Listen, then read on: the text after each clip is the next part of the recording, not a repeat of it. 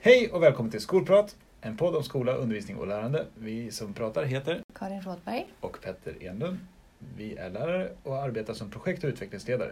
Idag träffar vi Marcus Samuelsson och Anja Torsten. Välkomna hit! Tack. Tack så mycket.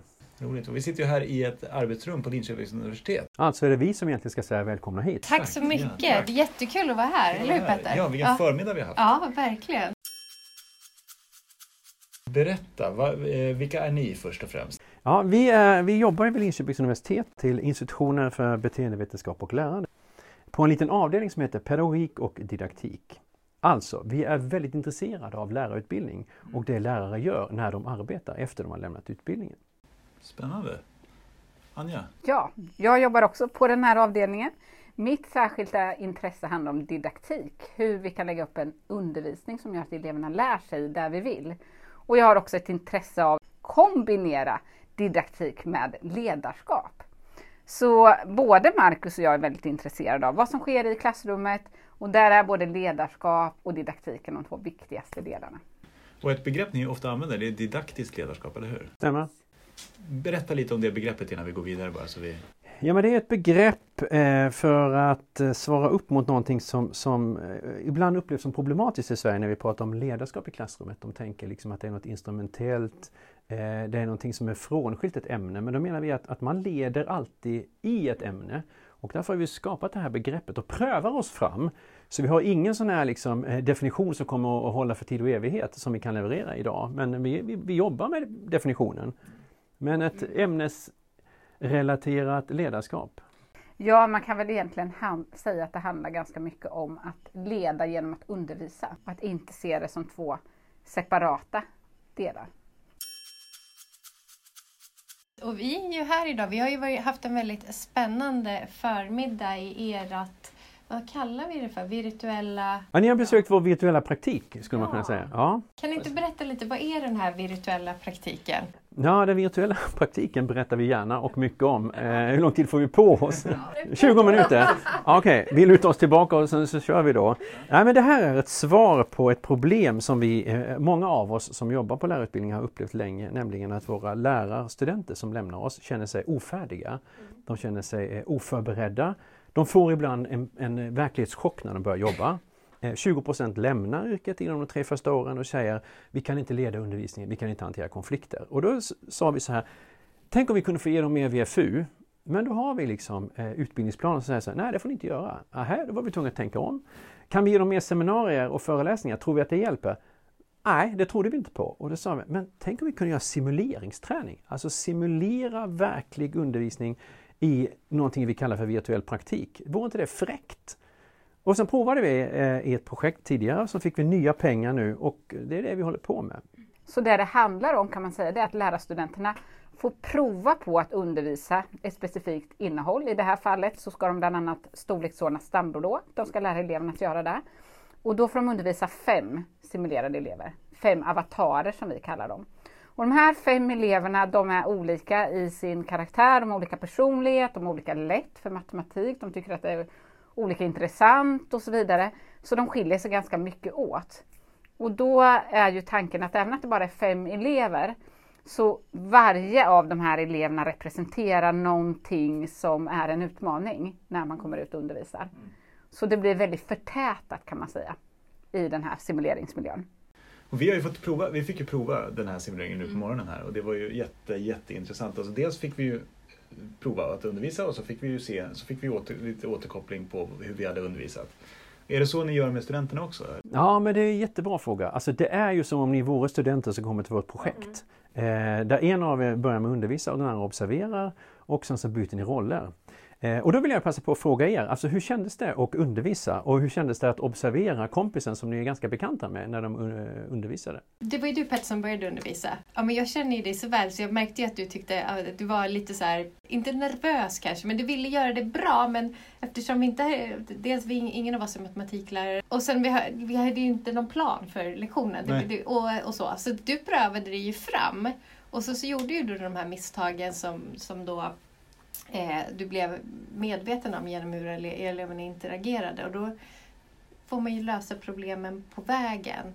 Till exempel att jag inte kollade av vad de faktiskt kunde eh, i början av, av passet. Jag bara tog för givet, jag, utifrån instruktionerna, eh, att vi ska jobba med att storleksordna stambråk. Eh, då hade jag förstått att ja, men det, det är den här typen av bråk och de ska storleksordnas och det ska vi, vi gå igenom. Eh, och då börjar jag med det direkt. Och kollar inte, har de, koll, har de grundläggande koll på, på vad ett bråk är? Så den, den delen hoppade jag över och då blev jag så här, det, här, och det, det där satte sig hos mig. Alltså det känns verkligen som att det här är något jag kommer bära med mig. Ja, det, det, vi kom, du kommer att prata om det här. Ja, För sen när jag fick höra. hoppa in, då tänkte jag så här, men okej, Petter kollade ju inte förkunskaperna, så det måste jag ju försöka göra. Ja, Så det var ju min tanke. Sen så föll det ju på att jag försökte dela en boll i tre bitar. du fick återkoppling från den lite I- mer... Eleven att man, Ja. dels kan man inte dela en boll i tre delar Ja. och också att tre delar kan ju vara olika stora. Det Ja. hade ju inte jag tänkt på.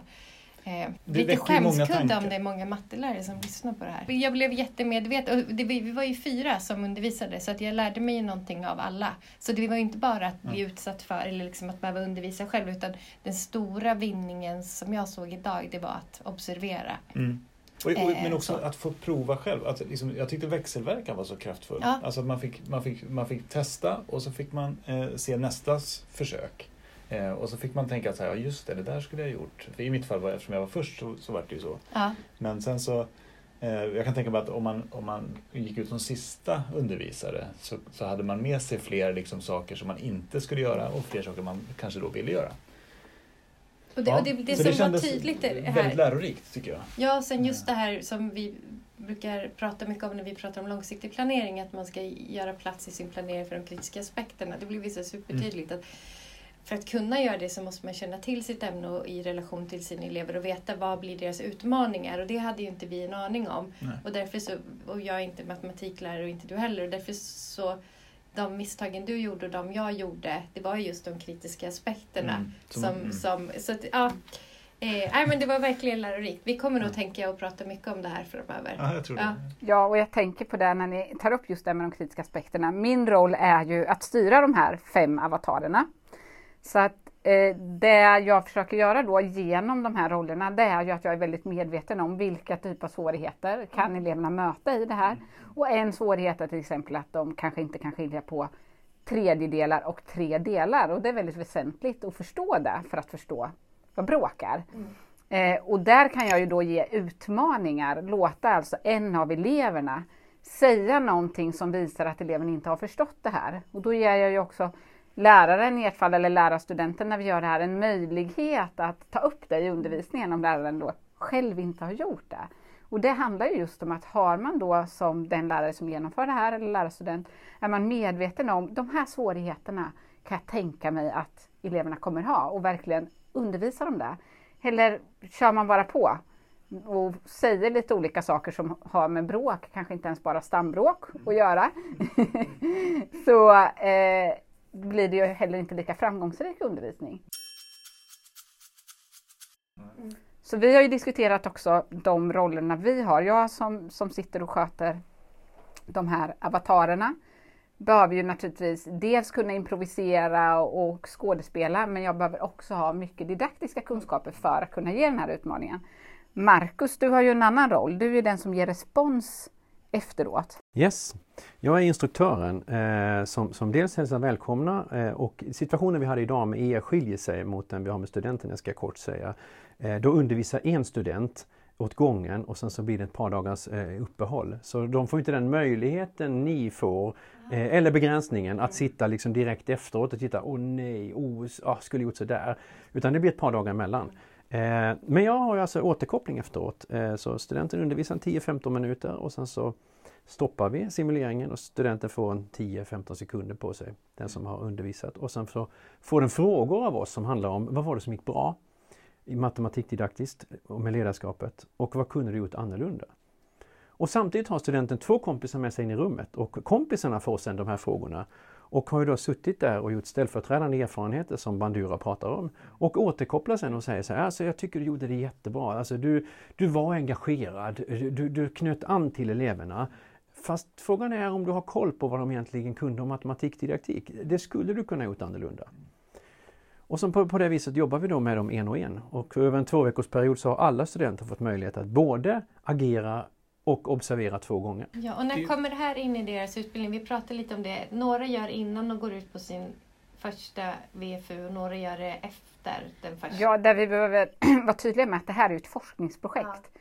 Så som det ser ut nu är inte det här någonting som ingår för alla lärarstudenter i sin utbildning. Utan nu provar vi ut det här. Och det kan ju du berätta Marcus om var det ligger lite mer. Vi har det ju i matematikkursen för blivande 4-6 lärare. Ja, fjärde terminen, början på fjärde terminen. Ja, precis. Och då har vi delat studenterna i två grupper för att testa om den här virtuella praktiken som ni har varit med om, om den har betydelse, eh, om den ligger före eller efter VFU mm. i relation till hur de skattar sin förmåga att undervisa. Så då delade vi helt enkelt studenterna på två. Så vi har 24 stycken studenter som kommer innan VFU och 24 stycken som kommer efter. Eh, och sen mäter vi då och ser hur de skattar sig själva i relation till det där. Så det är ett försöksupplägg helt enkelt. Eh, vi kan säga att det skiljer sig åt. Ja, eh, och vi kan säga att vi har väldigt intressanta resultat. Eh, men jag skulle kunna säga också att, att eh, vi behöver kritiskt diskutera, och det har vi inte ens hunnit göra själva, om det är simuleringen som genererar eh, variationen i resultatet eller om det är återkopplingen. Mm. Därför gruppen, den ena av de här två grupperna kom vid färre tillfällen och fick därmed också mindre återkoppling än vad den andra gruppen fick. Just det, och då mindre träning. Och, och mindre träning, ja precis. Ja. Jag tänkte på det när ni, när ni beskrev, det blir liksom som tre nivåer av återkoppling. Det blir återkopplingen från dig som, som elev, alltså mm. den du ger, Avataren, avatar-återkopplingen. Mm. Som, alltså själva responsen från avatarerna helt mm. enkelt. Eh, det blir från kollegorna tänkte jag säga, men, eh, men studenterna. Yes. Eh, de andra, de andra mm. studenterna mm. som är med och det mm. blir från dig som, som lärare mm. eller instruktör. Mm. Och sen den egna reflektionen. Och sen den egna reflektionen på det också. Ja, kopplingen till teori och så. Ja. Det, kan, kan ju finnas forskningsmässiga tänker jag, svårigheter med att kanske särskilja vad som är vad, vad som ger effekt. Ja. ja. Men det måste också vara väldigt kraftfullt att få så mycket återkoppling på sin undervisning. Ja, men det där är en jättebra fråga Peter. Därför vi har studenter som kommer till simuleringen och, och, och är lite skeptiska, lite tveksamma. Mm. Men de vill alla lämna simuleringen och är jätteöverraskade och jättestärkta av den här, all den här återkopplingen de får och säger Alltså träna i simuleringen var ju fantastiskt men tänk om vi kunde få den här typen av återkoppling mm. på det vi faktiskt gör. Det hade varit suveränt. Så egentligen att de behöver ha mer återkoppling av sina handledare när de är ute på VFU? Ja, det här, precis. Vi, vi måste börja fundera på det. Alltså, hur ger vi återkoppling? Vilken typ av återkoppling ger vi? Så vi måste fundera på alltså, hur lägger vi upp vår undervisning på universitetet och vi måste också, också prata med lärarna i skolan. Jag kan väl säga några ja. ord om återkoppling, även mm. att det är mm. du som gör den Marcus. Men jag sitter ju och sköter avatarerna eller spelar de här avatarerna och sen efteråt så lyssnar jag ju också på återkopplingen. Och vi vill ju ändå att studenterna efteråt ska ha en känsla av att känna sig kompetenta mm. men samtidigt ha fått med sig tankar om undervisning och också ha lärt sig någonting. Vilket gör att det här med hur återkopplingen ska se ut är ju naturligtvis någonting vi funderar mycket på. Eh, ni börjar ju alltid i det, vad har de själva tyckt har gått bra? Vad är det som mm. har varit starkt? Vad är det som har varit positivt? Men sen blir det en återkoppling som ligger på väldigt många olika nivåer. Eh, dels om vi, om vi tittar på matematikundervisningen först, så är det en del av återkopplingen som handlar om, har man förstått själva det matematiska innehållet på rätt sätt? Mm. För vi har ganska många situationer där studenter faktiskt undervisar om bråk på ett sätt där man ser att de inte riktigt själva förstår det här undervisningsinnehållet, alltså ämnesinnehållet. Mm. Så det är en del. Sen har vi då didaktiken som handlar om, ja men jag förstår ämnesinnehållet, hur ska jag lära ut det här? Och där har vi också väldigt mycket diskussioner. Och då blir det ju eh, Cecilia som då är den som leder den, den här diskussionen, så kan det handla om eh, till exempel, ja men när en av eleverna säger på ett eller annat vis och så vad händer då? Vad betyder, hur, hur kan den här eleven ha förstått det här innehållet och vad behöver man göra? Hur kan man hjälpa eleverna att förstå? Sen har vi också de bitarna som handlar om, om ledarskap, eh, också sociala relationer. Vi har ju en av de här avatarerna som är väldigt tystlåten. Mm. Och vissa studenter glömmer bort henne helt, andra försöker få igång henne och prata och då blir det ju också en diskussion. Men hur ska vi förhålla oss till de här eleverna som är väldigt tysta mm. och försiktiga och osäkra? Eh, vi har också att studenterna möter utmaningar i form av att eh, de här avatarerna, någon av dem börjar prata om andra saker. Hur gör man, hur håller man sig till ämnet men samtidigt är intresserad av eleverna? Så det, egentligen allting som är i en undervisningssituation kommer upp vid de här responstillfällena. Sen kan jag bara lägga till att det finns en typ av återkoppling som vi kan ge i simuleringen som inte går att ge i en verklig situation. Därför att när studenterna håller på att undervisa de här fem avatarerna så kanske de hamnar i en situation där någon av de här simulerade eleverna säger någonting som de inte alls vet hur de ska svara på. Då har de möjlighet att säga paus. Och då pausas simuleringen och då låter jag bara avatarerna inte göra någonting. Och då får studenten möjlighet att säga, jag vet inte vad jag ska göra nu. Jag vet inte vad jag ska svara på det här. Jag vet inte hur jag ska bete mig. Och då får de först diskutera med de andra studenterna. De kommer ofta då med förslag. Ja, men kan du inte gå igenom det på det här sättet istället? Eller kan du svara honom så här? Eller sätta en gräns på det här sättet?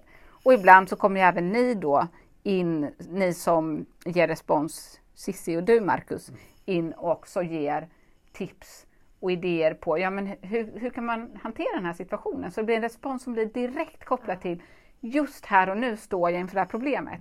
Och det kan vi tänka oss att på en VFU eller när du står i ett vanligt klassrum säga till eleverna paus, jag vet inte vad jag ska göra, ni får bara vänta. jag tror att det skulle bli lite svårt. Så.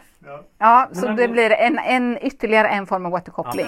Ja. Det var så roligt för en av avatar, den här pratsamma, han, han började prata om din mustasch. Ja. Det tyckte jag var det, väldigt, alltså, det, det var ju väldigt trovärdigt. Man, Ja. man var ju väldigt medryckt i situationen. Alltså, fast man visste att allt var på låtsas så var det väldigt många aspekter, precis som du säger, alltså, som var väldigt trovärdiga. Jag hade lite svårt att se en bild av hur, hur det här såg ut innan vi kom hit. Jag hade en helt annan bild. Jag trodde att vi skulle vara i någon studio. Det var vi ju, men jag hade en annan bild av studio. Kan vi, inte, kan, kan vi måla upp hur det ser ut? När man, hur ser det ut? Vad behövs? Vad är det för utrustning? Oj, eh, det behövs utrustning i, i två ändar. Eh, dels den änden som Anja eh, sköter som, som är liksom eh, eh, hon, Man skulle kunna säga att hon är operatören för systemet. Eh, eh, så där behövs det viss utrustning. Men sen i min ände av, av, av systemet så behövs det en, en, en dator. Eh, en kanon i taket. Eh, I vårt fall en, en skärm som vi kan dra ner och en whiteboardtavla eh, och sen en inspelningsutrustning så Anja ser vad studenten i vårt fall gör vid whiteboardtavlan. Och det sköter vi via Zoom. Så vi kopplar upp oss via Zoom. Så att det är så jag ser studenten vid tavlan och det är så som Marcus och studenterna ser avatarerna. Och det rum där jag sitter, det är som ett litet kontor. Och då har jag en keps på huvudet med en eye tracker apparat som gör att mina huvudrörelser syns på avatarerna. Och sen har jag eh, hörlurar och då eh, har, är det ett system där det är fem röster som är lite morfade, jag vet inte, Ja, lite förställda. lite, lite förställda via datorn men som jag också förställer med min egen röst. Och sen har jag en Xbox-kontroll. Och det är genom den Xbox-kontrollen jag väljer vilken avatar som jag styr just nu och då kan jag välja sinnesställning, jag kan välja om den ska skriva, om den ska räcka upp handen, vissa rörelser men de är förprogrammerade. Jag kan också välja att alla ska göra något, till exempel att alla ska eh, räcka upp handen eller alla ska skriva eller hålla med eller så. Och, eller börja prata, eller hur? Ja, sen kan det också vara så att alla sitter och pratar med varandra. Men annars när man interagerar så kan ju jag bara styra en avatar i taget. Jag vet inte om ni tänkte, tänkte ni på det eh, eh, när ni bad dem, eller när någon fick dem till att prata med varandra? Då, då kör de ju liksom eh, pair up, eller, eller liksom att, att alla pratar. Men sen går Anja in i detta fallet och pratar, så vi hörde en av avatarernas röster i taget. Ja, och sen så skiftar hon och sen hör man och sen skiftar hon och sen hör man. Och de andra ligger liksom ett förinspelat ljud. Ni beskrev också så att ni har tre nivåer. Eh, Så du kan lägga dig på tre nivåer här. Ja, alltså man kan säga att när vi gör en sån här simulering så pratar vi om, ska vi göra det på nivå 1, 2 eller 3? Och oftast nu med lärarstudenter som har gått ganska kort så lägger vi oss på nivå 1. Det betyder att de får några utmaningar. Men om de svarar upp mot de utmaningarna så få, låter inte jag avatarerna fortsätta pressa på. Utan det ska ändå vara så att de känner att det här lyckades. Ett exempel kan vara om en av avatarerna tar upp en mobil och så säger studenten då att de lägger ner mobilen. Då lägger eleven ner mobilen direkt. Det sker på nivå 1. Men om det hade varit nivå 2 så kanske den här avatareleven skulle börja opponera sig och säga någonting. Men om då den här lärarstudenten eller läraren hanterar det på ett vettigt sätt så lägger man ner mobilen. Nivå 3, som vi då sällan använder oss av, det har vi de här riktigt kaotiska situationerna när eleverna inte alls gör som lärarna säger, de förstår inte och så vidare. Eh, och då blir det en situation som blir väldigt rörig och stökig där man måste vara oerhört skicklig för att hantera det och där många inte skulle klara av att göra det. Eh, det, har vi, det använder inte vi nu utan vi använder oss mer av nivå 1. men man skulle kunna tänka sig att nivå 3 skulle man kunna använda för att ge studenterna en erfarenhet av hur det kan kännas och sen samtala om det så man har någon slags känslomässig förberedelse för riktigt, riktigt svåra situationer. Ja. För jag menar, och då ska jag väl också säga alla vi som jobbar i det här projektet eh, Marcus och jag och Sissi som är eh, matematikdidaktiker och, och, Joakim som är professor i matematikdidaktik. Alla vi har lärarbakgrund. Mm. Så vi har ju också erfarenheter av att undervisa och även den, vi två stycken som växlar mellan att att sköta de här avatarerna eller vara operatörer. Och Mikael han jobbar som lärare nu. Mm. Så att vi tror också att det är viktigt att man har den bakgrunden för det här projektet. Så tillbaks till forskningsfrågan som ni använder er av nu då. Vad, vad är det ni frågar er? Ja, men vi vill ta reda på om mer träning och specifik träning kan ha betydelse för hur studenterna upplever sin förmåga att undervisa. Enkelt uttryckt. Och det är deras upplevelse av undervisningen som ja, ni undersöker? Ja, precis. Och hur kommer det sig att det, att det vart just eh, upplevelsen och inte liksom eran värdering av deras undervisningsinsats? Eh, Ja, men dels har det betydelse för hur man faktiskt undervisar i relation till hur man faktiskt tror att man undervisar. Mm. Och sen valde vi den här eh, teorin om, om self-efficacy och, och, Bandura som, som liksom styrde in projektet. Mm. Eh, och, och då, då föll det sig så. Och det var enkelt att skriva fram de här frågorna med för och eftermätning och, och mätning över tid för att se om den här effekten håller i sig. Och, och Bandura, kan du berätta, du nämnde honom eh, för tidigare här i, i, när vi pratade så sa du Ställföreträdande erfarenhet? Ja, men ställföreträdande erfarenhet, det kan man säga, det, det, är när man ser någon annan som är skicklig göra någonting. Mm. Barn är ju väldigt duktiga på att göra ställföreträdande erfarenheter. Ta unga killar som sitter framför en dator och sen så tittar de på, på Football Twins till exempel. Och så ser de, ah, fy fasiken vilket trick liksom! Och så sitter de och tittar så länge så att de bara, ah, men alltså det här måste jag gå ut och träna på. Och sen går de ut och tränar och sen bara, Nej men vad är det fasiken vad man ska göra? Och så har kompisen bredvid. Ja men alltså jag tror inte vi fattar det. In och tittar igen och sen ut och pröva. In och tittar igen och ut och pröva. Och det är också så här vi lär oss många hantverk till exempel. Vi börjar att titta någon som gör någonting och sen så ser vi till att göra iscensättande upplevelser som också är ett begrepp som man har översatt till svenska av oss. Alltså iscensättande upplevelser. Det vill säga, jag gör förstahandsupplevelser. Jag står själv och prövar och undervisar. Och i det andra fallet skulle man, skulle man kunna prata om andrahandsupplevelser. Mm. Han har något so sociologiskt perspektiv på, på det här? Socialkognitivt skulle man nog kunna säga. Okay. Mm. Och ur ett didaktiskt perspektiv då, vad, vad, är, vad är din utgångspunkt? Nej, men min utgångspunkt i, om vi bortser från de här specifika forskningsfrågorna som vi pratat om nu, det handlar ju väldigt mycket om att på en lärarutbildning så vill vi utbilda lärare som kan undervisa. Mm. Alltså så är det faktiskt. Och jag tänker att undervisa är ett slags hantverk och att vi kanske allt för mycket pratar om undervisning och man inte får den här förstahandsupplevelsen och verkligen vara i undervisningen. För det, det som är spännande om när man verkligen står i den här simulerade miljön som vi då märker med lärarstudenterna det är att det blir en helt annan typ av frågeställningar som kommer upp jämfört med när de gör en kursuppgift i relation till diverse teorier och så som, som naturligtvis också har en viktig funktion i utbildningen. Men här blir det väldigt konkreta frågor. Det blir frågor som rör sig om allt ifrån vad är det som, vilka kritiska aspekter behöver jag synliggöra i den här situationen? Till hur, vilken taveldisposition ska jag ha? Mm. Till vilket anslag ska jag ha när eleverna sitter och pratar i början av lektionerna så att de börjar lyssna på mig? Mm. Det blir någonting som behöver finnas också i vår kropp, i hur vi gör någonting. Och jag tror att den typen av erfarenheter behöver vi också erbjuda att man får på lärarutbildningen. Och det sker alldeles för lite idag. Jag tror att vi pratar alldeles för mycket om undervisning. Och det som händer här är att vi, vi kan växla mellan att prata om undervisning men också att vara i undervisning och komma åt detaljer runt undervisning. Och det tror jag inte gäller bara lärarstudenter. Jag tror egentligen att även verksamma lärare utvecklas väldigt mycket av att vara i de här väldigt detaljerade diskussionerna när vi kommer åt vad är det det handlar om? Inte, jag brukar säga att ofta målar vi med de stora penslarna men att faktiskt här gå in och titta på detaljer i hur vi går igenom ting och vilken respons vi får av eleverna och hur det påverkar vad de lär sig. Så det är ju mitt riktigt stora intresse. Spännande. Om ni snabbspolar eh, tio år framåt, kommer den här tekniken finnas på alla lärarutbildningar? Kommer vi använda den i verksamheten för att utveckla eh, undervisningen? Vad tror ni? Oj, just denna eh, liknande, liknande. Får vi tänka. Absolut, jag, jag, tror att, jag tror att i relation till den digitala utvecklingen så tror jag vi kommer att se den här typen av simuleringar eller Eh, utan att behöva gå in på vad en simulering är. Den här typen av hjälpmedel kommer att användas på olika sätt. Och det jag tycker är jätteviktigt när man pratar om den digitala utvecklingen som du nämner här Marcus, att ibland så är det så här, oh, vi måste ha in mer digitalisering som att det är digitalisering vi ska ha in.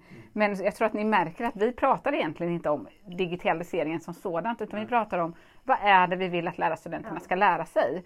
Ja, men och här har vi ett redskap, en möjlighet att göra detta eh, som då digitaliseringen hjälper, hjälper oss med. Men det är inte den som är första syftet utan det är där vi vill att de ska lära sig. Och det är ju också så att Joakim och jag, vi gjorde ju en studieresa till USA och besökte olika sådana här miljöer där man använder simuleringar Eh, och sen valde vi just den här simuleringen som svarar bäst mot det vi ville åstadkomma. Men det finns ju andra också förstås. Och de kommer ju utvecklas, de här simuleringarna. Ja, ja, men det finns ju till och med, ni kanske känner till, det finns ju till och med en äh, app som heter Animate your classroom där man alltså själv kan sitta och skapa Ja, man konstruerar en avatar eh, och, och sen skriver man fram ett innehåll, och, alltså fråga-svar innehåll. Och sen kan laddas det upp på en databas och sen kan kompisarna spela.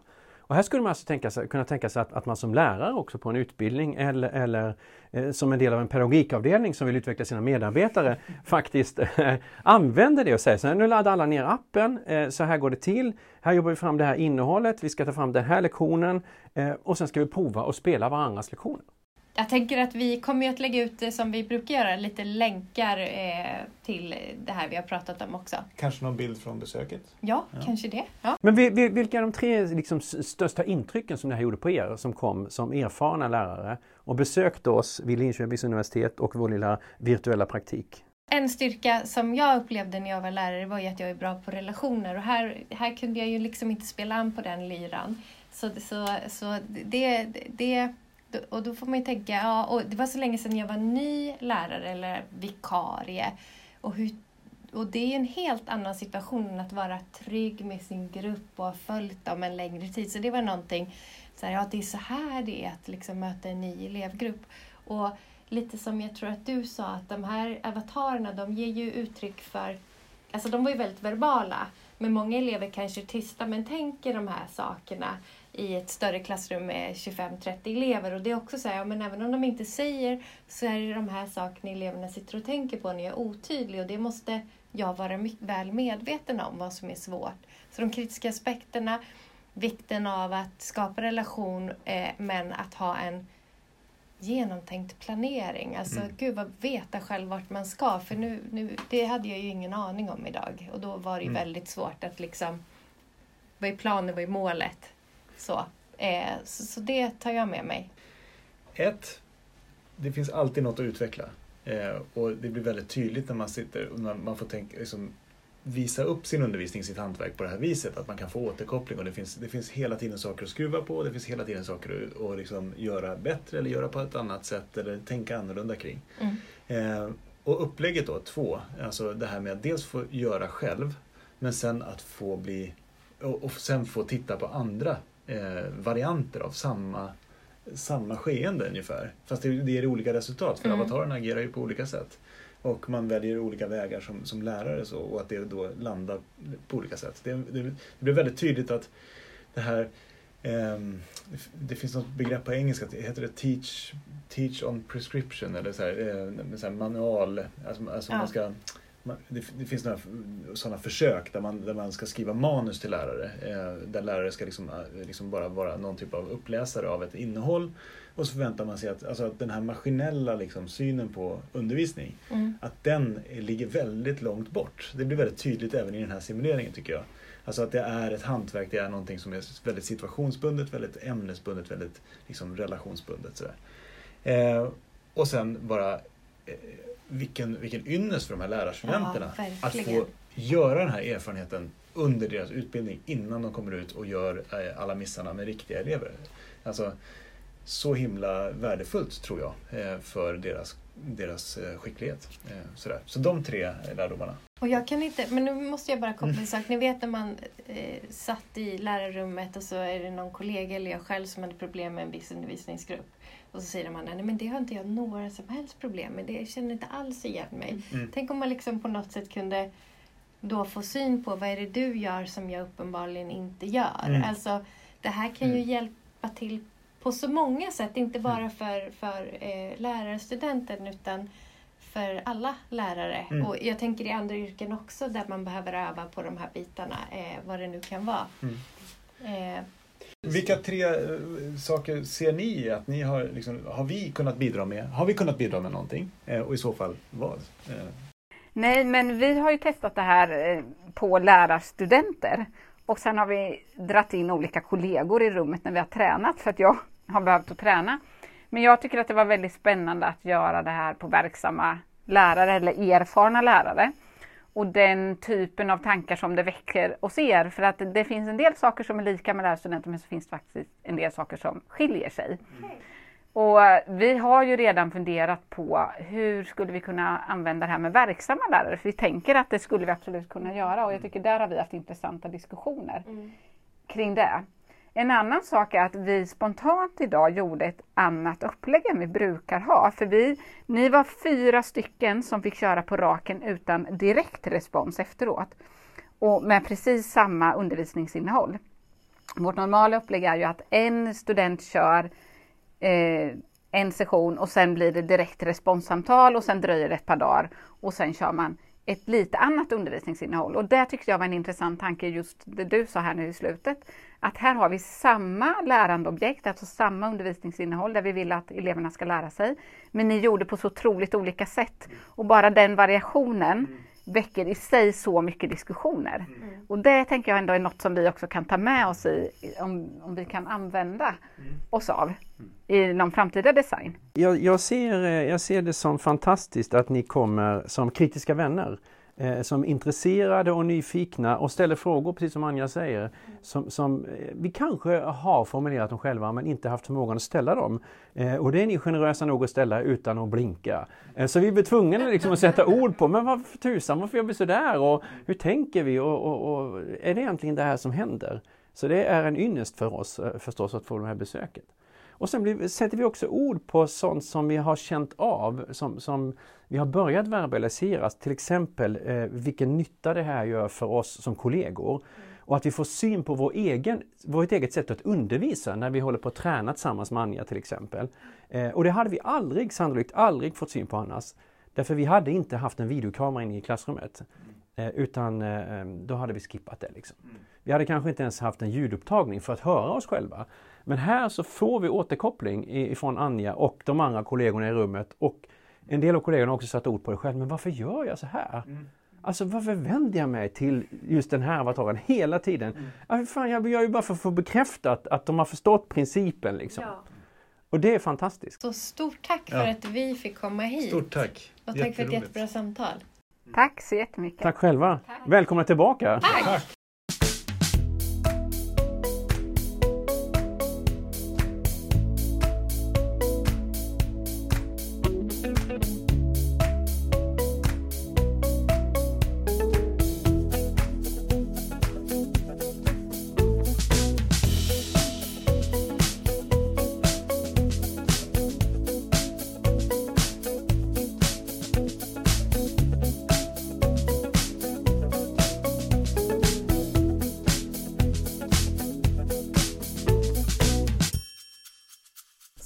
Skolprat är en podd om skola, undervisning och lärande med oss Karin Rådberg och Petter Enlund, projekt och utvecklingsledare på Kunskapsskolan. tack för att ni lyssnat.